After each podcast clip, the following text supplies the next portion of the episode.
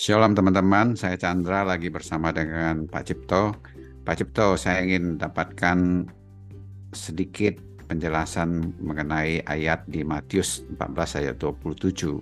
Di sini berbunyi, tetapi segera Yesus berkata kepada mereka, tenanglah, aku ini, jangan takut. Ya takut itu memang gak enak ya, meresahkan diri kita dan orang lain. Tapi semua orang kepengen tenang tentunya ya.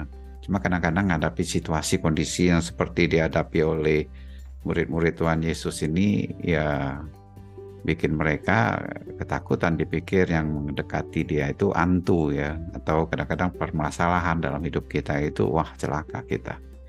Ya kita maunya sih diajarin jangan panik. Tapi nggak bisa ya panik kadang-kadang. Nah ini tentunya kita ingin tenang. Tuhan Yesus bilang tenanglah jangan takut. Wah gimana hidup kita bisa hidup senantiasa tenang di dalam segala sesuatu yang kita hadapi di hidup ini? Gimana itu Pak Cipto? Ya yeah, thank you Pak Sucing. Ya, hmm. dalam ya, dua tiga minggu terakhir ini Jakarta itu kan dihebohkan dengan polusi yang sangat tinggi ya. Ternyata tertinggi di dunia dan nggak turun-turun.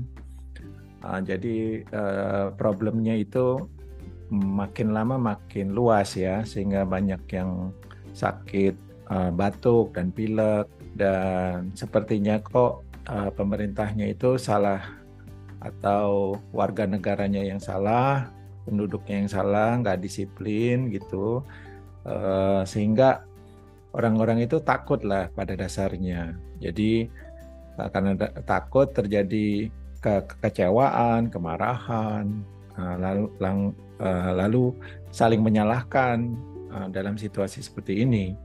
Dan kemudian kita membaca firman ini ya, bahwa Tuhan Yesus itu bilang bahwa janganlah takut, aku ini di tengah permasalahan yang dihadapin, aku ada dan saya ingat itu di waktu Tuhan Yesus itu hidup ya di Yerusalem 2000 tahun yang lalu, permasalahan itu sama ya di sana itu environmentnya ya, alamnya itu sangat menantang ya, sangat tidak bagus lah.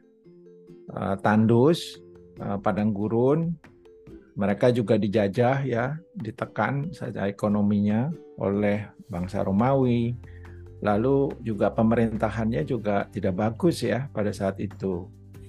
Sehingga Tuhan Yesus itu bilang, tenanglah, inilah aku. Nah, jadi eh, orang pada saat itu kan bingung ya, bagaimana bisa tenang kan situasinya, eh, keadaannya, alamnya, situasi hidupnya itu sangat sangat menantang lah. Tapi ketika dia mati di kayu salib, semua berlutut tuh yang percaya sama dia karena melihat bahwa Tuhan Yesus itu mati di kayu salib menebus uh, dia memikul segala dosa manusia kelalaian kegagalan. Itu semua dia pikul dosa dan konsekuensinya di kayu salib itu. Sehingga the peace uh, yang dari sorgawi ya uh, damai sejahtera sorgawi itu diberikan. Dan puji Tuhan orang-orang itu yang ada di situ dan yang percaya berlutut dan memuji Tuhan. Padahal Tuhan Yesus lagi di kayu salib dan mati kan, rajanya mati gitu. Kok bisa orang-orang di sekitar itu berlutut dan memuji Tuhan? Karena mereka melihat penderitaan telah berakhir. The peace of God yang beyond understanding. Damai sejahtera yang di luar akal manusia diberikan Itulah damai sejahtera yang didambakan sama orang-orang di dunia maunya udara yang bersih, tapi yang diberikan Tuhan Yesus itu jauh lebih itu. Karena selain polusi, Indonesia itu atau Jakarta itu banyak lagi masalah lainnya, kesenjangan sosial, ada apa masalah kriminal, masalah pemilu, masalah kerusuhan, macam-macam lah. Jadi selain itu ada ada lagi dan ada lagi. Selesai satu masalah ada lagi. Tapi Tuhan Yesus itu meniadakan itu. Beban itu semua sudah dipikul oleh Tuhan Yesus di kayu salib itu. Sehingga saya uh, setelah mendengar ini ya saya saya berubah ya pikiran saya, hati saya itu berubah. dan itu didapatkan karena percaya.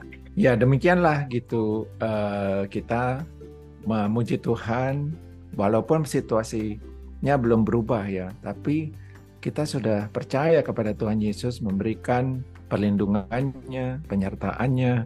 Saya teringat uh, Mazmur 23, walaupun kita berjalan di lembah yang kelam, aku tidak takut. Aku tenang karena Dia ada di dalamku. Aku menyatu dengan Dia. Dan segala kebaikan dan kebajikan akan mengikutiku, akan mengejar aku, akan overtake me.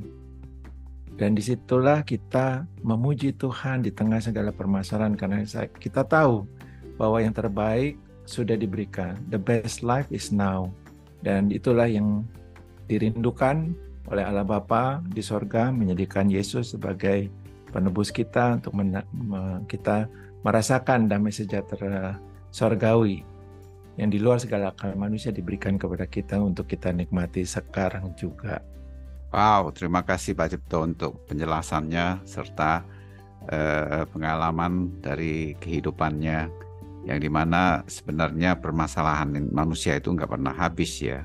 Manusia cuma capek aja berpikir bagaimana menyelesaikannya.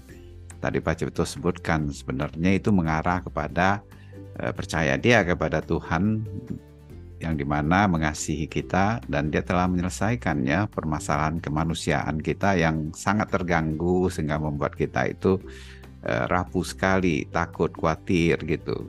Tapi uh, dengan melihat kepada Kristus, dia ada kehidupan baru ya, dia berikan hidup dengan damainya dia.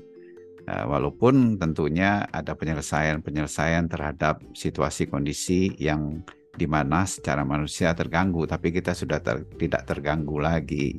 Kita bisa hidup damai di dalam Kristus sekalipun berjalan di dalam lembah kematian katanya. Seperti itu ya Pak Cipto ya.